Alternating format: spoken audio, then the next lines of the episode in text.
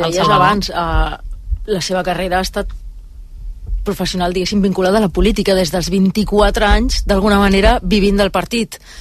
Mm, estem parlant de doncs, 40 anys pràcticament eh, doncs això, no? vivint, vivint del partit, sortir d'aquí i no només a nivell salarial, eh? també a nivell de, de, de poder i d'aquesta d'aquesta situació de tota la vida, no? de tenir aquesta sensació de tenir poder, encara que sigui a, a més o menys escala, això també és una cosa, a banda ell ha dit en la compareixença que esperava que, que és a dir, que buscava també que li demanessin perdó aquesta gent que havia desconfiat mm. d'ell, no? O sigui, jo crec que aquí hi ha una barreja entre ego, entre tota la vida dedicada al partit i, i no saber què fer després i aquesta, aquesta d'això de poder de deixar-ho tot, no? Passar de cop de, de ser una persona amb influència a ser zero, no? En tots els sentits. Jo crec que ja no coneixia l'edat d'Avalos, ho has dit abans, Susana.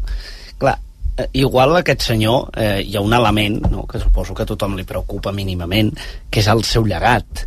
Aleshores, eh, donada que està en el final de la seva etapa laboral regular, per dir-ho així, és possible que ell entengui que pel que li resta de, de vida laboral, que no, no haurien de ser masses anys, teòricament, de fet seria un, dos, tres, eh, defensar el seu llegat i la seva innocència eh, és una cosa primordial. Clar, si realment és així, el problema d'aquesta qüestió és que avui omple tots els diaris, totes les portades i tot el que vulguem. Si d'aquí 12 mesos tornem a parlar d'aquest tema i resulta que aquest senyor mai l'han imputat, ningú se'n recordarà de tot això. Perquè... Depèn del que voti. sí, bueno, aquí... Clar, però aquí, Susana, hi ha, hi ha un tema que, que, que, que... I depèn del pes que pugui tenir també en el futur de Pedro Sánchez en el govern, perquè si això desestabilitzés d'alguna manera el govern... El que passa que el vot, que, que tens raó, també xoca contra un element fonamental, que és, escolti, vostè s'ha presentat amb, amb un programa electoral, estic d'acord que amb el qui no, ja no es porti bé, però se suposa que el sí, què, sí. eh, vostè continua sent socialista fins a nova ordre, i per tant, home, potser en algun moment determinat ho pots fer servir, eh, hauríem de mirar molt bé els números eh, de, per fer la quadratura exacta de com la influència d'un nou diputat, díscol per dir-ho així, pot generar sobre les majories parlamentàries, a priori, eh, com deia Susana abans, eh, a vegades sí que passa. Eh, més que res perquè més enllà dels vots a favor i en contra quan hi ha abstencions s'ha de tenir en compte que hi pot haver sempre una o dues absències eh, de diputats per tant eh, no, no tot és clar no? i això serà la clau i que li donarà certa força en un moment determinat si és que ha de negociar alguna cosa amb el seu partit. Joan. No, pensava ara que el cas Coldo ens ha ajudat a entendre el perquè en el seu moment Sánchez, en una crisi de govern, va apartar a Valós i aquella decisió va ser molt comentada.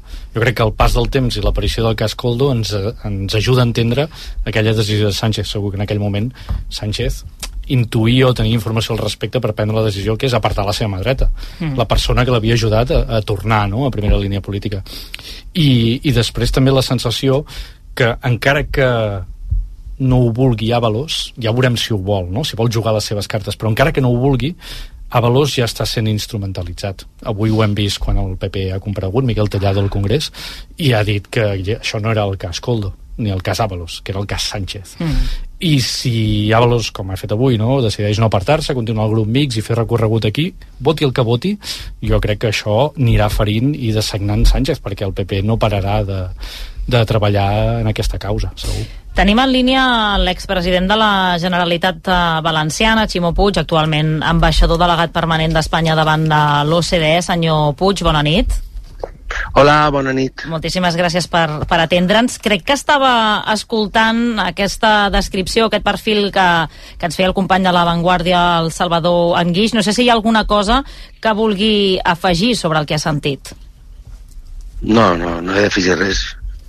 No, no és la meva missió afegir res. Uh, li pregunto, per tant, um, entén la decisió que ha pres avui Avalos o, o vostè també es pensava que, que acabaria deixant l'escó? No, jo no la entenc d'una persona que ha tingut responsabilitat eh, durant tant de temps i sap eh, que hi ha moments en els que hi ha que posar per damunt el projecte general, el projecte de país, el projecte d'un partit que la pròpia visió personal. Encara que... Ell ho ha fet, de fet ha pres decisions d'aquestes mm. característiques en el seu moment. Encara que no estigui investigat, encara que no estigui imputat, encara que no hi hagi hagut no. un judici, vostè creu que, que hauria d'haver deixat l'escó? Mira, jo el que crec és que mm, eh, ja en Espanya i en general, en general en el món occidental hi ha una qüestió que tenen que veure la responsabilitats jurídiques que són els tribunals que tenen que validar-les i altres que són les polítiques. I en aquest cas és evident que hi ha una responsabilitat política. Li sembla que amb aquesta decisió, ara també ho comentàvem aquí a, a la taula, Avalos, mmm, vostè que el coneix, creu que pot fer trontollar a algunes votacions d'aquesta legislatura tenint en compte que, que el seu té molt ajustat, és a dir, si Avalos d'alguna manera podria fer la, la punyeta i votar al contrari del que, del que digués el PSOE. No crec. Eh, eh, ell és diputat per València en la candidatura del Partit Socialista i jo espero que, que complisca allò que, que ha promès com a diputat del partit. Eh, però més enllà d'això, el primer que hauria de fer és renunciar a l'escó i això és el que crec que li ha demanat el, el partit i li demanem també als socialistes valencians. Mm. Vostè ha parlat amb ell en, en aquests darrers no. dies? No, no. Cap missatge, no, no cap trucada? No, no, no, no em correspon. Jo estic fora ja, estic en, en una altra perspectiva i per tant no, no em correspon a mi. Jo crec simplement que, que, que sap perfectament el que correspon fer en, una, en un moment com aquest i, i sap de, del el mal que produeix. I tot això no, no ha vingut del no-res. Vull dir, cada un, quan pren decisions respecte als seus eh, als seus assessors, a les persones de màxima confiança, eh, si defrauden la seva confiança, eh, en certa mesura eh, bueno, hi ha una responsabilitat. Uh mhm. -huh. Vostè creu que té raó? A... Més a més, eh, sap, eh, jo vaig viure la, la pandèmia molt sí. intensament i em produeix tal fàstic que hi hagi gent que se n'aprofite del que vam patir en aquell moment, que això ha pogut passar en molts de llocs, no, no dic que no, però que sigui una persona tan vinculada eh, a un òrgan de poder i que sigui capaç de fer el que ha fet, a mi em sembla em sembla enormement fastigós. Però, però vostè creu que Cavalos eh, sabia què estava passant amb no, aquesta trama jo crec corrupta? Que no. no, jo crec que no. Jo estic convençut que no, ella ha dit que no, jo, jo el crec. Però hi ha una responsabilitat política, escolta, que això vaicina. Eh, mm, no sé, crec que és ben clar. És a dir, eh, ha passat creu... moltes vegades en la història, no, no és una primera vegada. Eh, jo crec que ell hagués, hagués fet un gran paper si hagués decidit apartar-se i al mateix temps defensar la seva innocència. Clar, si és que no està acusat de res en els tribunals. El que sí que és ben cert... Clar, clar per això em sorprenia que, que vostè fos tan no contundent sembla, eh? ara, eh? eh? Que sense eh, estar... Perdó? No, que em sorprenia que vostè fos tan contundent eh, tenint en compte això, que no, que no està jutjat, que no està investigat, no. amb aquesta responsabilitat política que vostè deia. No, la responsabilitat política és eh, que hi ha una persona de la seva màxima confiança que ha vulnerat els principis ètics fonamentals de... i ha estat una persona de la màxima confiança. Si hagués sigut una persona molt més allunyada d'ell, evidentment que no tindria cap responsabilitat. Per tant, m'està dient que el senyor Avalos no va fer bé la seva feina controlant no, què feia no, un dels estic, seus assessors. Estic dient, estic dient només el que dic, que hi ha una responsabilitat política. Ens, ens sent bé? Sí, que hem sentit un, una mica de soroll de... Sí, sí, no, és que, és que estic així a un lloc perquè estava esperant la trucada abans, sí. No, en, en tot cas, li volia preguntar si, si vostè creu que té raó Avalos quan diu que el PSOE d'alguna manera li està fent també el joc al, al Partit Popular, que potser s'ha deixat influenciar massa en aquest cas per les teories del PP. No, el Partit Socialista el que fa és quan hi ha un problema, l'afronta i, i per tant pren decisions i, i fa el que ha de fer eh, un partit responsable que vol lluitar per la transparència contra la corrupció. El Partit Popular el que fa és el ben al contrari. Quan algú denuncia la corrupció, el tira del partit. És el, a l'inrevés de que fa el Partit Socialista. Mm. Mm, vostè m'ho deia fa uns minuts, va tenir, eh, evidentment, un paper eh, important durant la pandèmia. Sap que aquesta trama hauria venut també mascaretes a d'altres comunitats com a les Balears o, o les Canàries. a la Generalitat Valenciana no li van vendre res? No, que jo tinc constància en absolut. No, si ho van intentar com a mínim, no saps no, si... No, no, intentar-ho, ja intentar-ho sí que li dic que no. Eh, ara, mm, si a través de... No, jo no tinc cap constància, jo crec que no, en absolut. A cap conselleria, eh, de, de la Generalitat? No, no, no. Mm. Mm, per tant, vostè... Nosaltres vam fer una compra centralitzada, vam sí. comprar, i com... I de fet, fins i tot en, en el, la compra del Ministeri no, no van participar perquè pensaven que s'excloïa a, a empreses valencianes que estaven reconvertint i, per tant, ni, ni en aquest ni en aquest contracte participaren. Mm -hmm. Mm, en tot cas, li, li volia preguntar si, si això que ha passat ara creu que pot suposar la fi política d'Avalos o com deia ara el Salvador Anguix, que, que el coneix de prop, que encara intentarà doncs, fer-hi la seva d'alguna manera al Congrés o si no acabés jutjat, si no acabés eh, imputat, investigat per aquest cas, vostè creu que podria seguir a, en, en la política o tenint en compte també l'edat que dèiem que té ara, 64 anys, això això pot ser que sigui ja el seu final a la política? No, jo, jo no, no sé el que passarà en el futur. Eh, no em correspon tampoc a mi dir-ho, no? Mm, jo el que crec és que cada un és, eh, és el responsable de la seva trajectòria, responsable de les seves decisions i, i ja, ja està, no? A la fi eh, eh, ha pres una decisió que sent, havent estat un responsable d'organització del Partit Socialista, una decisió eh, més greu que fins i tot si ho hagués fet una altra persona que no hagi tingut aquesta responsabilitat. Uh -huh. uh, creu que això pot acabar passant factura d'alguna manera al Partit Socialista o fins i tot, uh, ara ho comentàvem també a, a Pedro Sánchez, tot aquest cas? Espero que no. Jo crec que quan se fan les coses bé no, se poden, no, no té que ser una factura negativa. En aquests moments, eh, davant d'un fet que, que pot passar i passa en qualsevol administració, malauradament, se pren una decisió ferma i contundent. I, per tant, això ha de ser ben vist per la, per la imatge pública, no? per, la, per, per la ciutadania, que, que hi ha una resposta contundent front a la corrupció. Mm.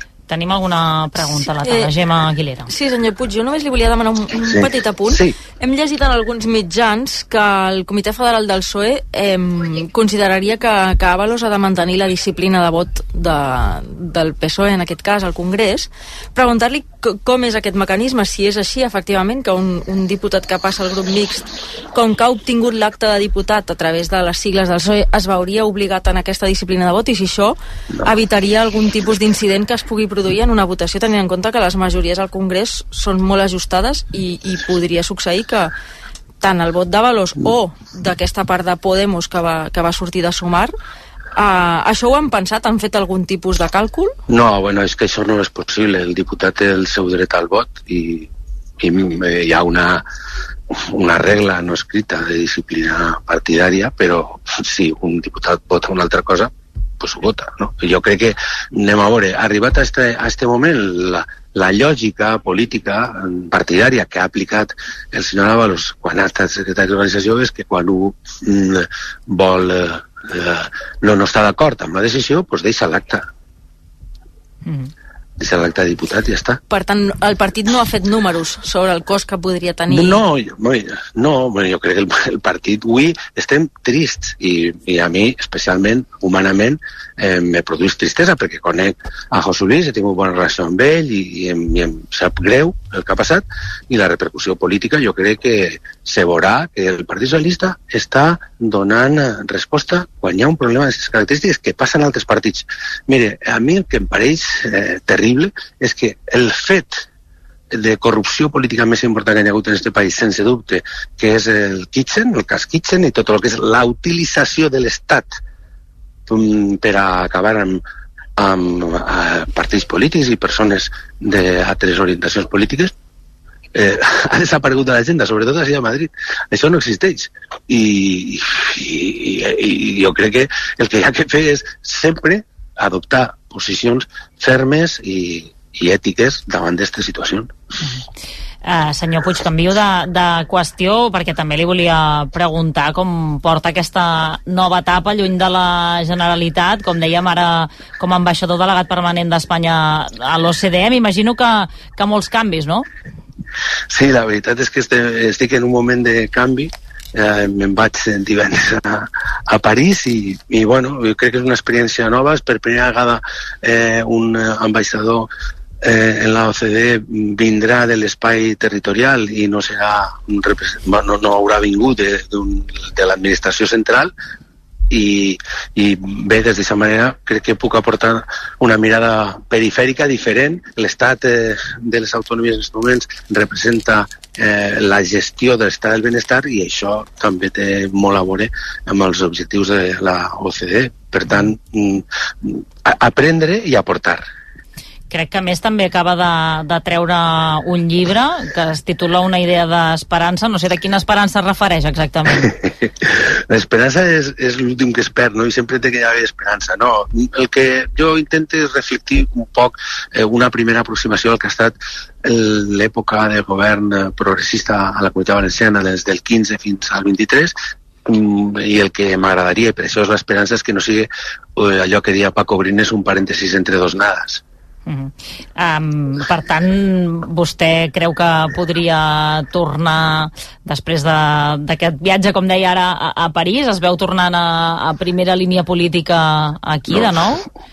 No, el que vull és que torne un govern progressista a la Generalitat Valenciana i que s'acabe la censura cultural i que s'acabe el negacionisme climàtic i que s'acabe mm, el govern més reaccionari de la història de l'autogovern valencià. Mm. Creu que Diana Moran seria una bona substituta al capdavant del, del Partit Socialista del País Valencià? Perquè tothom sí. ho dona per fet, eh? Sí, sí, ho serà. Ho serà i crec que serà positiu i a mi el que m'agrada és que fos la primera presidenta de la Generalitat Valenciana. Mm -hmm. mm, per tant, ens confirma que Diana Moran serà la seva substituta, eh? Sí, sí, sí, segur. Ara també vostè ho deia, no? Després d'aquestes darreres eleccions hem vist eh, diversos atacs a la cultura, també al, al català, al País Valencià. Com ho està vivint també vostè des de l'altra banda, tota aquesta ofensiva de, del PP i Vox? Està preocupat? Sí, ho estic visquent malament, perquè em sembla que hi ha qüestions que no haurien d'estar eh, en discussió. I, I hi ha un atac eh, estratègic contra el valencià eh, que em preocupa molt em preocupa molt perquè ja en algunes comarques el valencià té mm, problemes eh, i ara es vol menysprear definitivament. De fet, eh, al Parlament Valencià ha, pràcticament el, tot el govern ha, ha desaparegut l'ús del valencià. Mm. Que això és sorprenent, perquè a Galícia governant la dreta no passa, però sí al, al País Valencià sí. Què es pot fer davant d'aquesta situació? Jo crec que el govern d'Espanya ha d'assumir la realitat eh, plurinacional i en aquest aspecte jo confio que, que hi hagi també un suport a la cultura al País Valencià. Mm, creu que... I a la llengua. Mm-hmm. Creu que en aquest cas eh, Diana Moran pot ser una, una bona defensora de tots aquests drets que, que s'està retrocedint eh, des de que hi ha aquest govern de, del PP i Vox? Estic segur que sí que, que ho pot fer i ho farà. Deixi'm que, res, acabem ja ara sí. Eh, li volia fer una última pregunta sobre l'incendi d'aquesta setmana passada a, a València amb aquestes 10 víctimes eh, mortals. Em consta que vostè eh, hi va ser, i va anar de, de seguida. M'imagino que, que encara ha impactat no, per aquests fets. La veritat és que és un, un fet eh, terrible. Eh, eh, malgrat eh, la desgràcia hagués pogut estar molt pitjor només si se produeix l'incendi unes hores més tard però, però se veu la fragilitat en la que vivim. No? Ara bé, ara després eh, ha que fer, després del suport i de la solidaritat continguda, sostenible amb les famílies, el que hi ha que fer és un estudi en profunditat del que està l'edificació en aquells anys. Creu que, que s'haurien de revisar també altres edificis d'aquella mateixa sí. època que es construïssin amb sí. materials similars? Efectivament, efectivament, jo crec que sí. Perquè a més ara hi ha prou eh, preocupació per part de moltes famílies. Mm. Ximo Puig, expresident de la Generalitat Valenciana i ara, com dèiem, ambaixador delegat permanent d'Espanya davant de l'OCDE. Moltíssimes gràcies per atendre'ns avui al nou Moltíssimes gràcies a vosaltres. Que vagi bé. I que molt bona, bona nit. nit. Gràcies. Bona nit. Adeu, adeu. Doncs bé, això és el que ens deia l'expresident de la Generalitat Valenciana, una persona que coneix de, de prop a José Luis Ábalos, ell creu que doncs, hauria d'haver plegat, no sé vosaltres, jo ja li he insistit perquè m'ha sobtat aquesta contundència que, ah, sí, que ha tingut sí. al, al voltant del que hauria de fer Avalos. No? A mi també m'ha sorprès moltíssim la contundència. A veure, és veritat que no s'ha sortit del, dels arguments oficials del PSOE i ha repetit, de fet, algunes paraules que també han sortit uh, en, en, en la posició oficial del PSOE i sobretot m'ha sorprès també doncs, aquesta contundència, tot i dir eh, té responsabilitats polítiques, tot i que és veritat que no està imputat, que no... És a dir... I ha, ha vingut dit, a dir que no ha fet bé la seva que feina, no ha fet no? bé la seva feina, clar. Clar, però això s'ha de veure si realment fins a quin punt Avalos era conscient que, que aquest senyor Alcoldo doncs, estava, estava fent aquestes pràctiques, no? Eh, m'ha sorprès la contundència amb la que d'alguna manera, tot i que no estigui imputat i sense saber realment encara el què, doncs ja, diguéssim, entre cometes, se l'hagi condemnat, no? Uh, i tinc més la sensació que aquí és una qüestió més de, de, de, de posició oficial de partit i m'ha semblat també que potser no és el que ell hauria fet uh, si no estigués en, en, en una posició d'aparell de partit, no? Mm -hmm.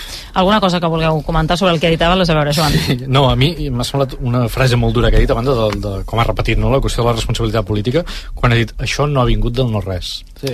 Això vol dir que, que el partit i també el govern espanyol hi havia certes sospites del funcionament de l'assessor d'Avalos. Mm. No? Em sembla una declaració molt contundent. Però aleshores ho haurien d'haver dit en el seu moment. Clar, clar, és que això, dient, això implica, això llavors dient, implica Deixa, a molta clar, més gent. Deixa'm que, que, no, només una acaba, acaba, Joan. Aquesta, aquesta és una reflexió que a mi em sembla molt dura. Ara bé, difícil de demanar-li a algú que ha estat president de la Generalitat Valenciana, que no continua sent president de la Generalitat Valenciana i que l'acaben de nomenar amb un càrrec a París, sí, sí. que surti i desmenteixi la posició oficial del partit. Em sembla molt difícil. Clar, per, per, molt, millors càrrecs per, per, molt, per molt que conegués des de fa 30 anys José Luis Ábalos. Clar, però al final la política és molt cruel, perquè ells dos, a més a més, el Salva també ho ha dit, no? tenien una relació bastant estreta, no? Uh, ostres, és la, la política i els sous són però, molt però cruels. aquí hi ha eh, una sobretot... qüestió que a mi em segueix uh, impactant perquè llavors uh, ens hem de mirar la foto més gran. És a dir, diu Ximo Puig, bàsicament que, bueno, ja, ja, ja ho sabíem. Eh? O sigui, jo, jo entenc de les seves paraules que, que, que això tampoc els hi ve de nou. Però perdoneu, això lliga amb la destitució. Val, de, amb llavors, la, Anna, anem aquí. Amb apartar anem aquí, de, de, anem com a ministre i deixar-lo fora si del govern. Si vostè el 2021 sap o sospita igual que ara, perquè de moment repeteixo aquest senyor no està imputat, per tant estem parlant de sospites i estem en el, en el camp una mica de, de, de lo metafísic aquí, que aquest senyor deixa de ser ministre de la nit al dia de manera sorprenent, perquè era un dels ministres forts, no era un senyor que passava per allà, era el secretari d'organització del Partit Socialista Obrer Espanyol, doncs resulta que al cap de dos anys això surt, ell se, se li diu que en 24 hores ha de plegar, i la resta, si t'he vist no m'acordo, no, escolti, això no funciona el, el que passa és que Avalos... Perdo, perdoni que pregunti, eh, perquè, clar, eh, si, si Avalos, que no està imputat, ha de plegar de tot, no està imputat, Eh, llavors, el, ens expliquen per què va home, passar sí, tant, al 2021 la, això? Sí, home, i tant, perquè la situació d'ara, del Clar. Pedro Sánchez, no té res a veure amb la del juliol del 2021, quan el va forçar a deixar el Ministeri de Transports. Evidentment, hi ha una cosa a la política, Roger, que tu saps més que ningú, que es diu serveis prestats i el pagament per serveis prestats. De fet, de fet, Espanya és un escàndol el tema de les portes giratòries, eh, i aquí això seria un altre debat ben diferent, però evidentment l'Avalos havia actuat fins al juliol del, 2000, del 2021 al marge de les sospites que podem tenir nosaltres sobre si el Pedro Sánchez sabia o no sobre la, la, la, el tema aquest comissionista de, del, del Coldo no? Uh, evidentment uh, hi ha tot un, tot un servei prestat en, en el Pedro Sánchez en, que no el pots deixar a l'estacada en aquest senyor Llavors, en aquell moment, per què el salva? Per què el torna a posar les llistes del, del País Valencià sapiguent això? Doncs bé, doncs perquè havia estat el seu escuder, va ser el seu principal avalador, ara l'hem de matar, ara toca matar-lo, ara toca matar-lo tan de pressa estàs com Estàs d'acord que... Que no m'ha estranyat que... gens que el Ximo Puig surti dient eh, defensant la línia de, del Home, partit. no, claro, Evidentment no podia dir una no sale la foto. No podia dir una altra cosa. Això I, i ja s'ho van inventar ells. Clar. A mi el que em sorprèn de tot això, és a dir, el, la cronologia dels fets que estem explicant porten a, a que una persona de partit, d'estructura de partit, secretari d'organització, exministre, amb tota aquesta història, arriba aquí, fa un pacte amb el seu partit i marxa. Marxa, marxa del tot. Però quan tu se suposa que quan has de marxar del tot dius no, jo em quedo aquí, el grup mixta, amb el que suposa el grup mixta amb un senyor que ha viscut en la pompa els darrers anys i que per on en passava ell doncs hi havia el núvol de persones que l'envoltaven, és a dir, un exercici de poder com a tal que aquest senyor es presti a anar-se en el grup mix a mi em sembla que hi ha algú que se'ns escapa en aquest puzzle, perquè no li veig el sentit a, a, a, a que faci eh, una acció d'aquest tipus només des d'una perspectiva només des d'una perspectiva econòmica. Bueno, però hi ha una part de vanitat personal, també. I és allò de dir, mentre a mi em senyalen com a corrupte o possible corrupte, doncs jo el que faig és resistir. Però has d'estar molt segur, eh, de que no t'imputaran si fas això. Bé, però és que mm, no ho sé, és que la carrera judicial ara que s'obre i aquest camí que s'obre, doncs veurem. El que sí és veritat és que es farà de rogar. Sí, es farà sí. de rogar. Uh, uh, sí, jo, jo crec que Avalos pot sentir que la decisió que es pren amb ell del partit és injusta. Això ho pot sentir i fins i tot podria tenir lògica. El que passa és que Avalos ha d'entendre el context polític. Ah. I Avalos ha de comprendre que, que per molt dura que sigui la decisió i que sigui doncs, amb, el, amb el punyal clavat de qui el va acompanyar durant tant de temps, però el moment polític lesiona enormement la Moncloa. Enormement la Moncloa. I només cal veure el que ha passat avui en les últimes hores. Gemma, que no sé si volies No, afegir ja alguna cosa més. 9 i 26 eh, minuts, de seguida arribarem a dos quarts de 10 de la nit. Deixeu-me que canviem de, de tema, perquè també hem de parlar dels pressupostos que han pactat Esquerra i el PSC, tot i aquest pacte sabem que encara no tenen prou suports per portar-los a aprovació. Per tant, de seguida parlarem amb David Cita, el portaveu d'en Comú Podem al Parlament. Fem una pausa i ara de seguida, quan tornem, li preguntarem quines possibilitats hi ha que els comuns hi votin a favor.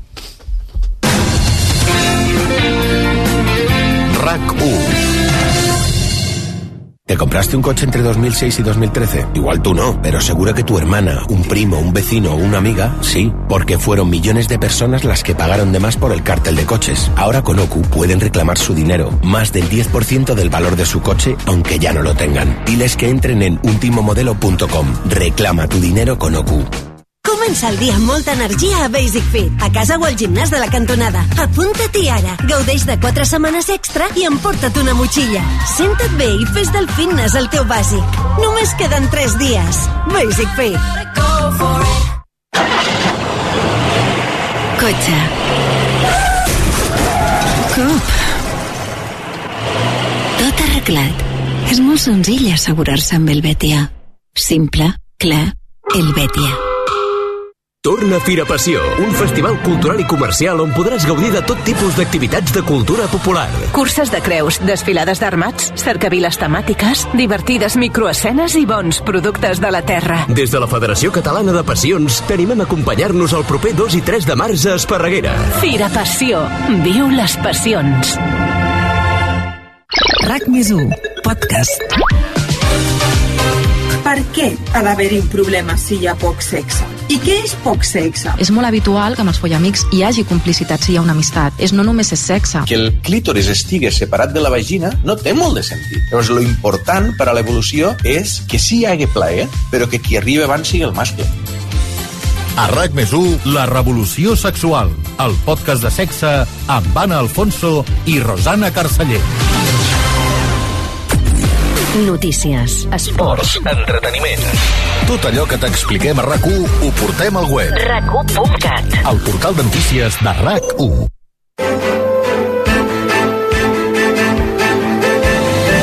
A RAC1, no ho sé, amb Anna Ballonesta.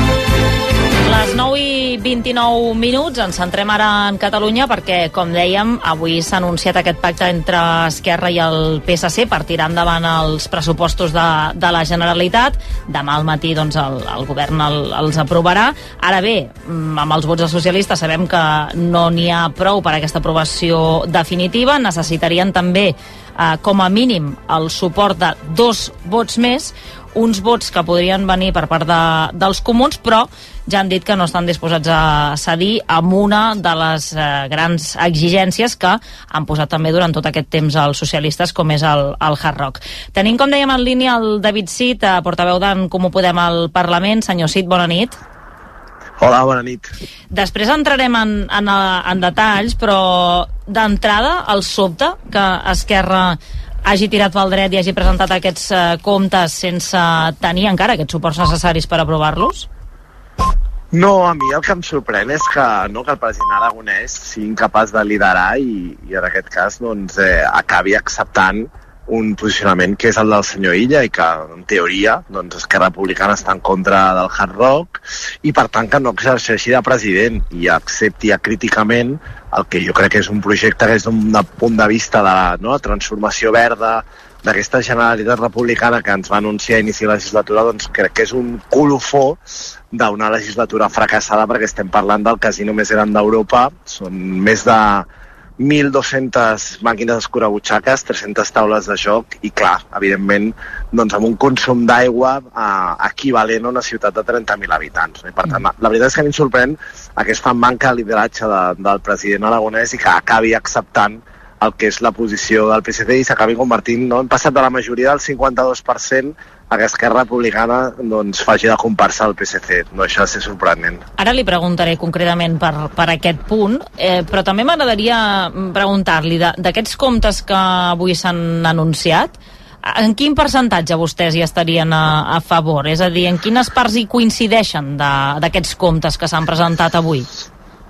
Bé, nosaltres sempre ho hem dit, que la condició inicial per començar a negociar els pressupostos era que el govern de la Generalitat, el govern d'Esquerra Republicana, descartés el Hard Rock i que a partir d'aquí volíem parlar de quatre grans prioritats que eren eh, habitatge, l'accés a l'habitatge és el principal problema que, ten, que tenim avui al país, d'educació i sanitat pública i també, no, evidentment, de la transició ecològica justa i les renovables. Per exemple, a nosaltres ens sorprèn no, que amb la situació que hem vist amb l'informe PISA i els results, magres resultats no, dels nostres infants a l'educació pública, no es parli de recuperar la sisena hora, que avui nosaltres plantejàvem com una condició importantíssima, o no es parli, en aquest cas, per exemple, tampoc de, de menjadors escolars gratuïts. De fet, eh, fa pocs dies va anunciar el govern de la Generalitat que no només això, sinó que pujaria el preu del menjador escolar. No? Per tant, hi ha elements centrals del que nosaltres estem plantejant, per exemple també en aquest cas amb, pel que fa referència a l'accés a l'habitatge, que reclamem aquesta no, reiterada compromesa incomplerta dels 1.000 milions a l'habitatge o en aquest cas també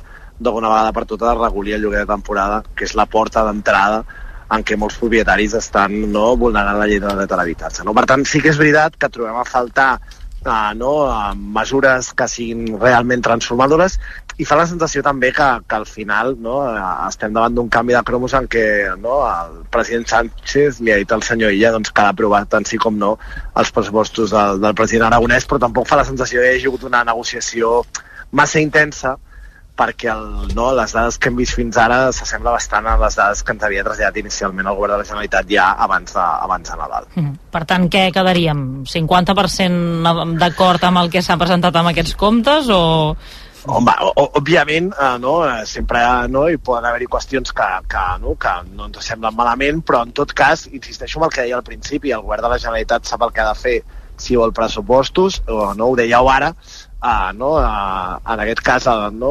és veritat que el Partit Socialista té 33 escons i nosaltres en tenim 8 però els nostres 8 escons són tan imprescindibles els 8 escons dels comuns són tan imprescindibles com els 33 del PSC i fins i tot parlant una mica del que no? d'aquesta posició molt estranya no? estem en un país en què no, el cap de l'oposició es creu que és el president de la Generalitat i el president de la Generalitat no exerceix de president. Ho dic perquè al final, si Esquerra Republicana està en contra del, del Hard Rock, nosaltres Esquerra Republicana sumem 41 escons, que són més que els que té el PSC. No? I per tant, bueno, fa la sensació una mica que estem no, davant d'aquest eh, no, canvi de cromos més enllà d'un possible acord de pressupostos que en realitat faci que les prioritats del país siguin les que realment no, eh, la gent reclama, que insisteixo en el que deia, que és l'accés a l'habitatge, que és l'educació i la sanitat pública o que és la transició ecològica justa. Mm. Mm, sobre el punt concret del, del Hard Rock, vostès sempre han sí. deixat clar que això era una línia vermella, però eh, el projecte no hi apareix en aquests, en aquests comptes.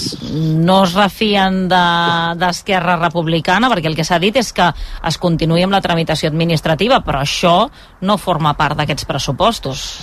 A veure, apareix com una condició sine qua non del senyor Illa. Si no hi ha, en aquest cas, sabem perfectament que hi hauria acord de pressupostos. Ha qui parla cada dia, tant sí com no, del Hard Rock i que el va col·locar com a línia vermella i a mi em sorprèn molt que un partit progressista hagi col·locat com a les tres màximes condicions siguin no, una autopista, l'ampliació de l'aeroport i evidentment també eh, no, el Hard Rock, que insisteixo, que no estem parlant d'una cafeteria sinó que és el casino més gran d'Europa. No? I per tant a mi en un context de sequera, d'emergència climàtica i després també pels impactes socials que tindria per salut mental, amb addiccions, no? evidentment en temes de seguretat, són aquestes tres eh, grans condicions, són, ho sap tothom, i poden fer veure que això no forma part de la negociació de pressupostos, però tothom sap que són les tres condicions que, no, que ha situat el PSC, no? i per tant, bueno, per nosaltres, evidentment, ja ho sap el govern, ho sap des de fa mesos, nosaltres aquest any, precisament per això, perquè sabíem que estava a punt d'aprovar-se el pla director urbanístic i en segon lloc perquè estem en un escenari de no, la pitjor sequera que ha viscut Catalunya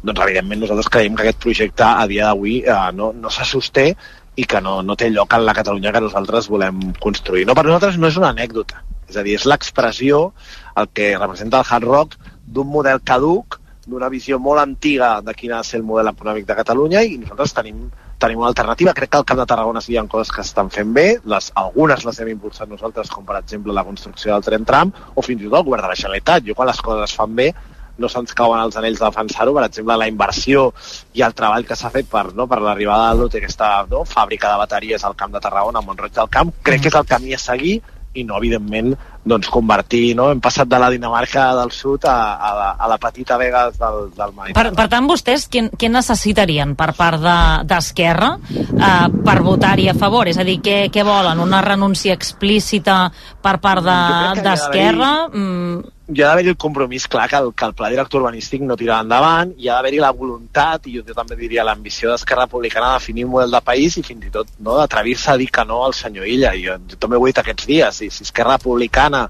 ha decidit, eh, doncs, com insisteixo, fer de comparsa al Partit Socialista, doncs nosaltres ho respectem, però ja serem nosaltres i seran els comuns qui, no, qui li dirà al senyor Illa que evidentment que el hard rock no té cap tipus de sentit no, a la Catalunya del segle XXI i, evidentment, en aquest context com el que tenim de sequera i emergència climàtica.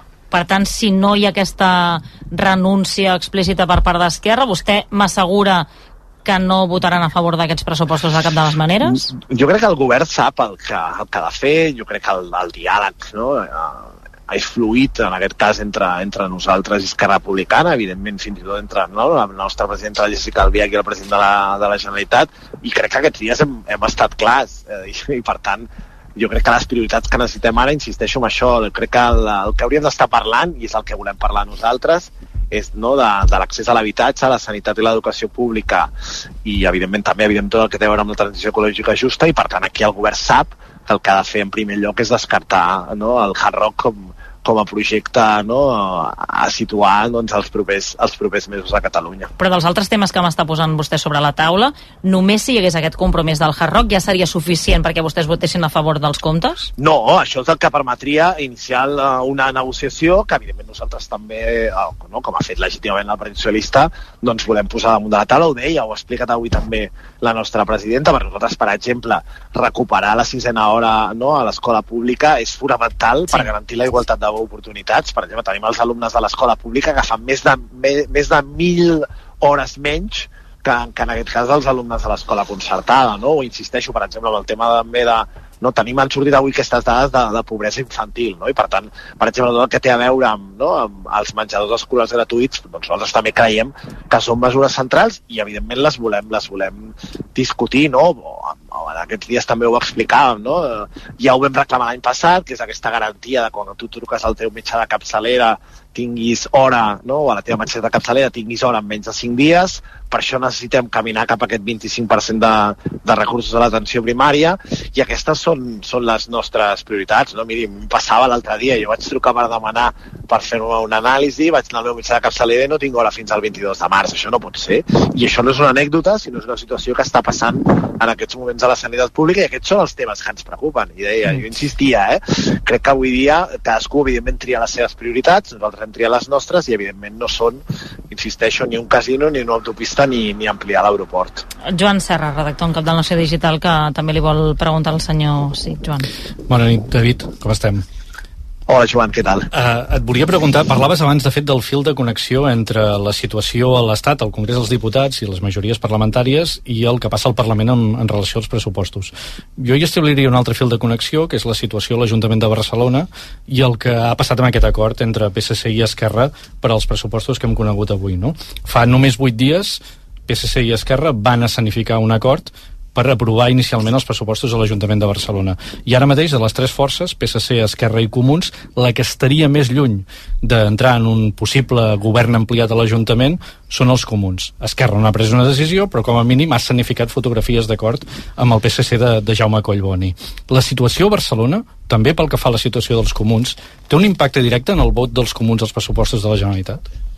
Jo crec que, no, jo crec que té més a veure amb una expressió més d'una estratègia que jo no entenc ni comparteixo, que no, és, és evident i també no, crec que de fet vosaltres ho heu explicat, que és que no, qui ens veta l'entrada uh, no, en aquest govern municipal a, a Barcelona quan nosaltres voldríem un acord d'esquerra. Sabeu que els comuns sempre defensem aquestes aliances d'esquerres. Esquerra Republicana. Esquerra Republicana ens no, veta l'entrada dels comuns en el govern municipal i a mi no deixa de sorprendre perquè és no, una passa més en aquesta estratègia que jo deia que em sorprèn que hem passat de la majoria del 52% a que avui doncs, Esquerra Republicana hagi decidit de fer de, de comparsa del Partit Socialista per nosaltres també no deixa de ser sorprenent perquè evidentment també un Partit Socialista que està clarament doncs, a la dreta no? que fins i tot que el Partit Socialista Obrer Espanyol del senyor Sánchez. No? I per tant, per nosaltres és una expressió més.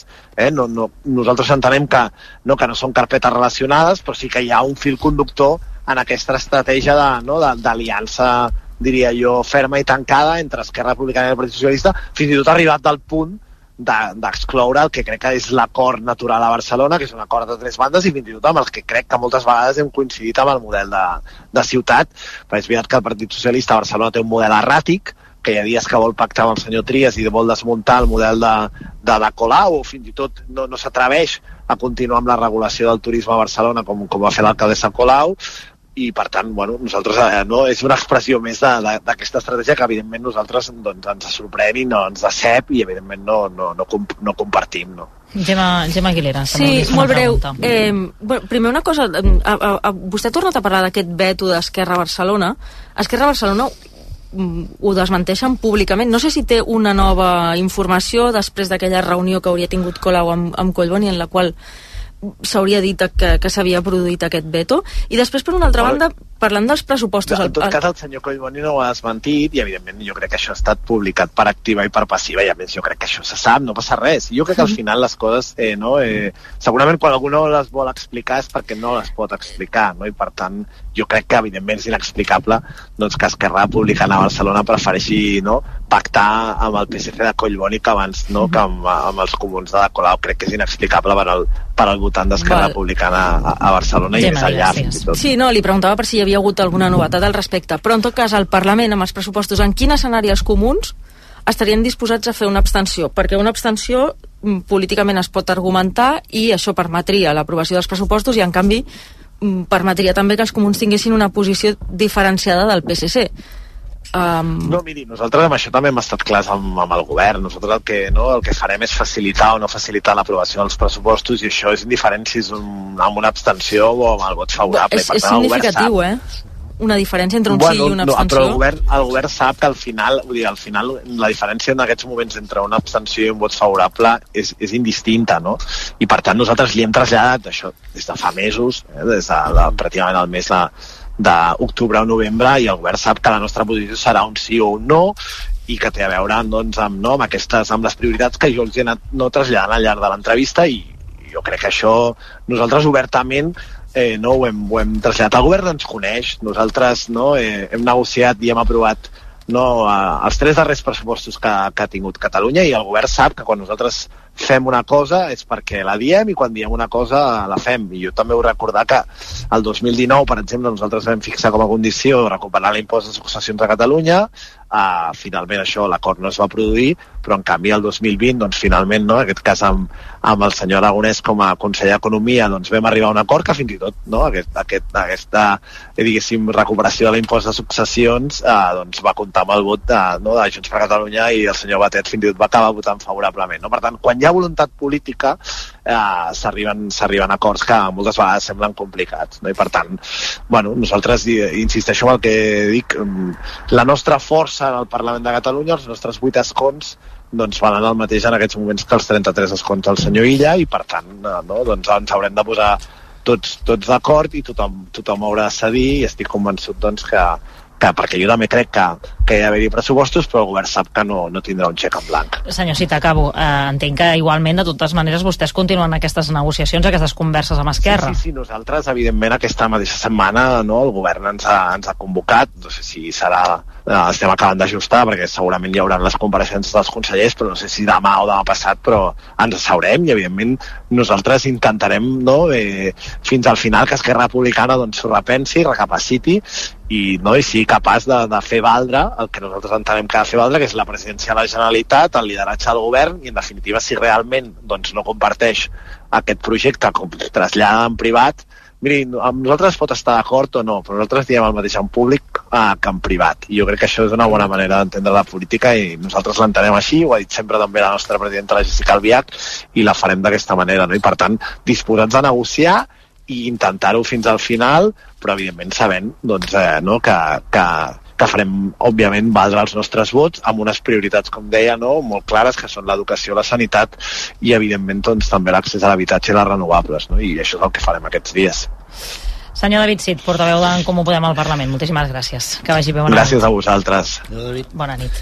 A veure, Roger, què vols comentar? Que t'he vist aquí intranquil. No, jo saps què passa? Que eh, tinc una important distància ideològica del David Cid, però sempre m'ha semblat un gran polític i a part una persona, una persona formidable, amb la qual cosa quan justifica el que diu doncs, eh, doncs si poses en la seva pell ho entens crec que el missatge és bastant clar. Aquí hi ha un acord eh, de governabilitat a l'Estat i a Catalunya i que vull recordar que a l'Estat hi ha un govern de coalició en el que també participa Sumar. Eh, per tant, eh, diguem-ne que aquesta fórmula d'acord eh, del tripartita, diguem-ne per dir-ho d'alguna manera, segueix vigent i no em sembla que hi hagin elements suficientment durs i potents a l'hora de negociar un pressupost com perquè els comuns s'acabin posicionant en el no a, dia d'avui no ho veig. És possible que la proximitat electoral eh, pugui jugar algun paper, però vaja, no els veig massa. Una altra qüestió que no, no té a veure amb, amb l'entrevista al David Cid, però sí a, amb els pressupostos de la Generalitat han canviat coses, no, Catalunya? Perquè un acord presentat inicialment entre Esquerra i el Partit Socialista fa tres anys a la seu de l'ANC hagués estat vist com una traïció, alta traïció a la pàtria i a tot en el moment i el moviment del procés. I aquests nous pactes que celebro eh, de la política de forma transversal, perquè la política al cap i a la fi és això, no deixen de certificar també un cert canvi d'època que a vegades quan un està a cavall d'aquest canvi d'època doncs potser no l'observa, però quan es veu en perspectiva, sobretot en votacions com el que representa els pressupostos de la Generalitat, doncs es veu com hem normalitzat en certa mesura que eh, un 75-80% de, de l'art parlamentari català està en disposició avui de parlar, negociar i fer política. I crec que això és una bona notícia. Tercera qüestió.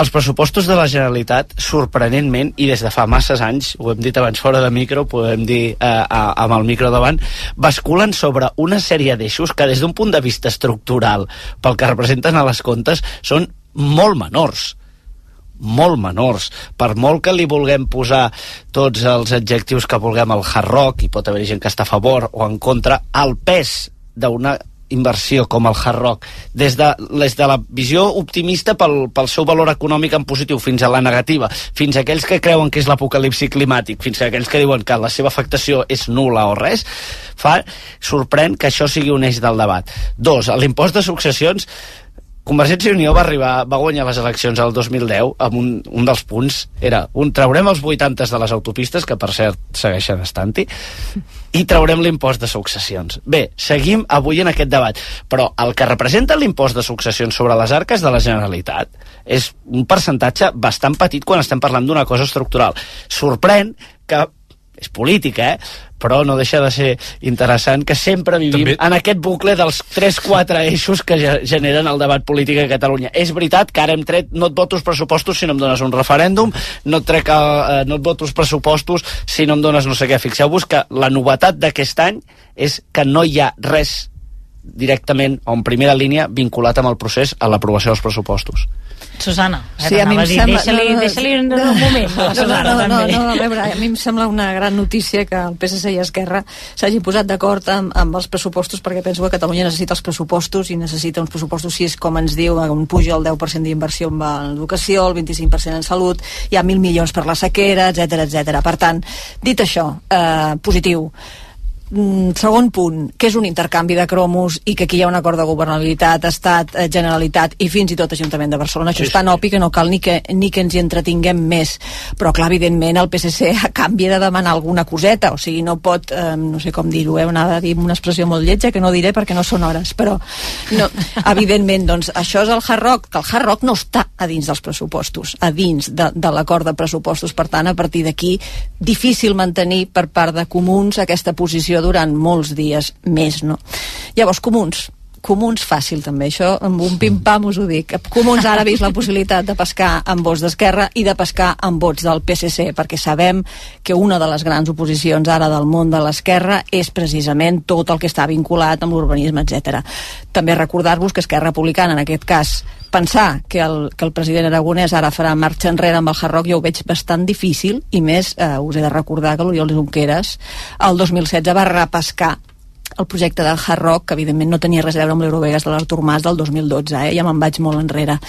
Per tant, eh, aquí hi ha un joc eh, electoral de, de pistes en paral·lel i ja veurem eh, fins a quin punt els comuns poden seguir mantenint aquest pols, perquè evidentment aquest argument de hard rock sí, hard rock no, i sí o no a canvi d'això, doncs no sé fins a, quin, fins a quin dia ho poden sostenir.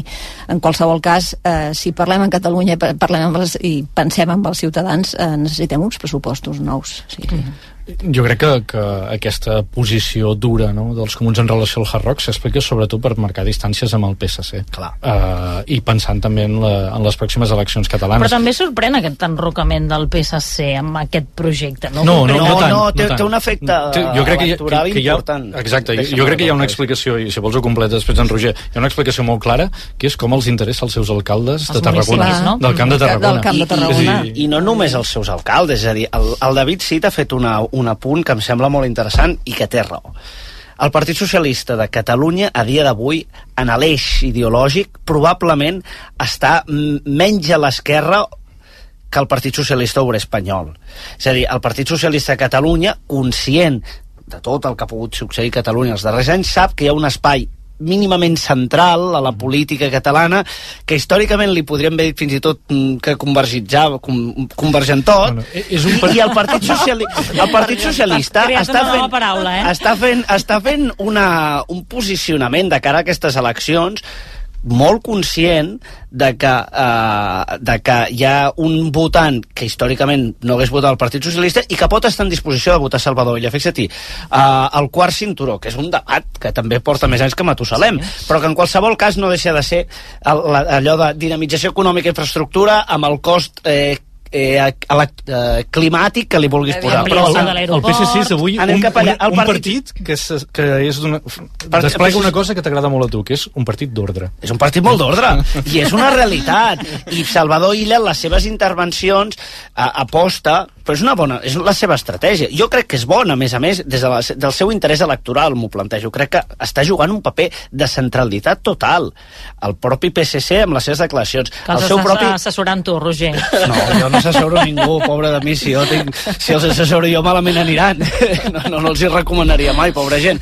Però, però sí que és veritat que estan jugant aquest paper I, i Salvador Illa fa molt de temps que fa aquest, aquesta idea del govern alternatiu i està treballant una idea i una imatge de partit molt central. I quan el David Cid fa la comparativa de que el PSC està més a la dreta que el Partit Socialista Obrer Espanyol, té sentit que ho faci perquè hi ha un espai, com dèiem anteriorment, que és el dels comuns, i una disputa d'espai que el PSC ha renunciat, que és la més esquerra, és a dir, on hi ha la CUP, on hi ha els comuns, i on hi ha eh, una part d'esquerra... El debat de l'emergència climàtica. El PSC ja no vol entrar a aquesta batalla, hi ha massa gent per massa poc espai. I ha vist, crec jo, que hi ha una part important del votant que, que pot situar-se més al centre, que pot fer a Salvador Illa president. Per tant, és la seva estratègia. Fixem-nos-hi, tranquil·litat. Recorden els pressupostos. Últim any de legislatura. Últim any de legislatura.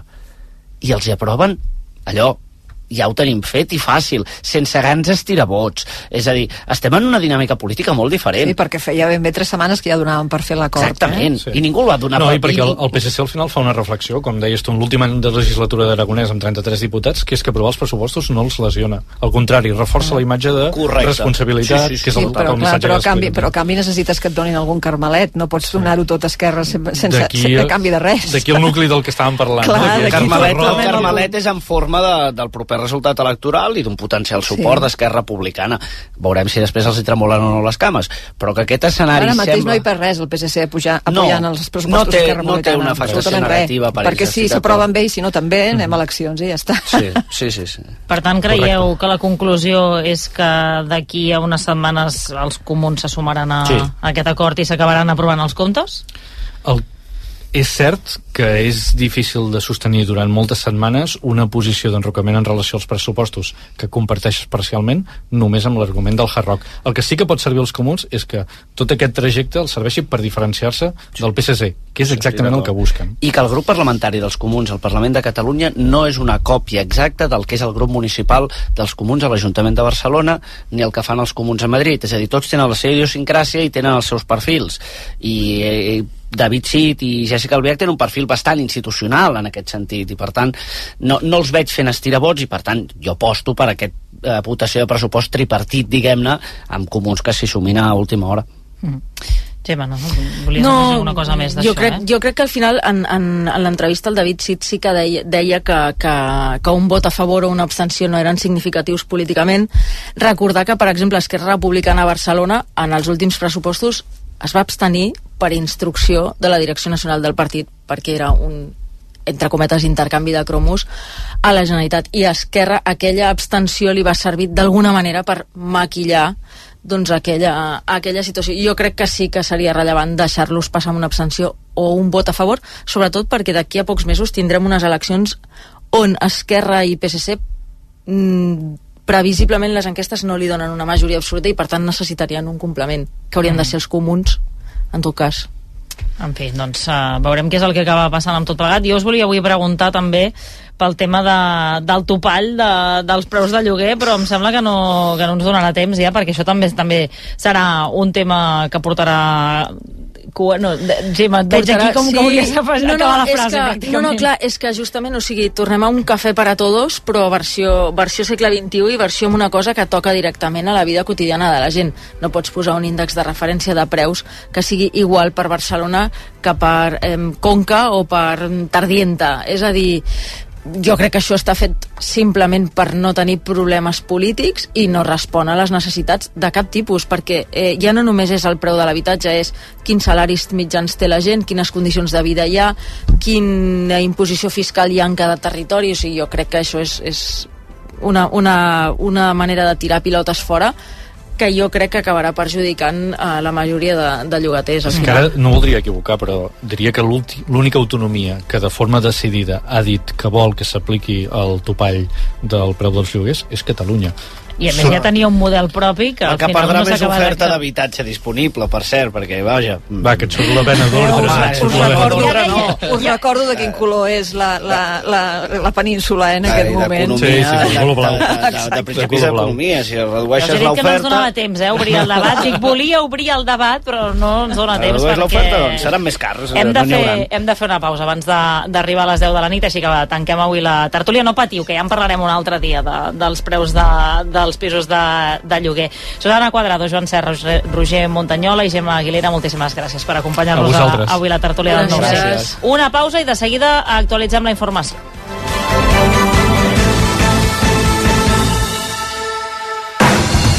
No ho sé, amb Anna Ballonesta. En què et fixes quan esculls un llibre? En el títol, l'autoria, l'editorial, la coberta... Però té el segell d'Ecoedició? L'Ecoedició és una forma innovadora de gestionar les publicacions amb criteris de sostenibilitat ambiental. Entra a institutecoedició.cat i descobreix quin paper jugues a l'hora d'escollir un llibre. Fes un bon paper. Escull Ecoedició. Si et vols canviar un aprenentatge immersiu, millorar la teva competitivitat de cara al mercat laboral o canviar una experiència acadèmica que prioritzi la part pràctica, Work to Change. Entra a eaebarcelona.com i comença el canvi amb els nostres màsters i MBAs. EAE Business School. We make it happen. Marta, què et passa? És que el Marc ha tornat a suspendre i ja no sé com ajudar-lo. Nosaltres estàvem igual que tu i ens van recomanar profe.com. Des d'aleshores la Marina està motivada i ha millorat molt. Profe.com? Sí, tenen professorat qualificat amb classes online, personalitzades, adaptables als teus horaris i per totes les assignatures. La primera classe és gratuïta. Doncs ara entro a profe.com. Sí, sí, molts portals, moltes webs, molts concessionaris, però al final el tracte, les facilitats i allò que necessitava a l'hora de trobar un cotxe només ho he aconseguit a edificar.com. No t'ho creus? Prova-ho, prova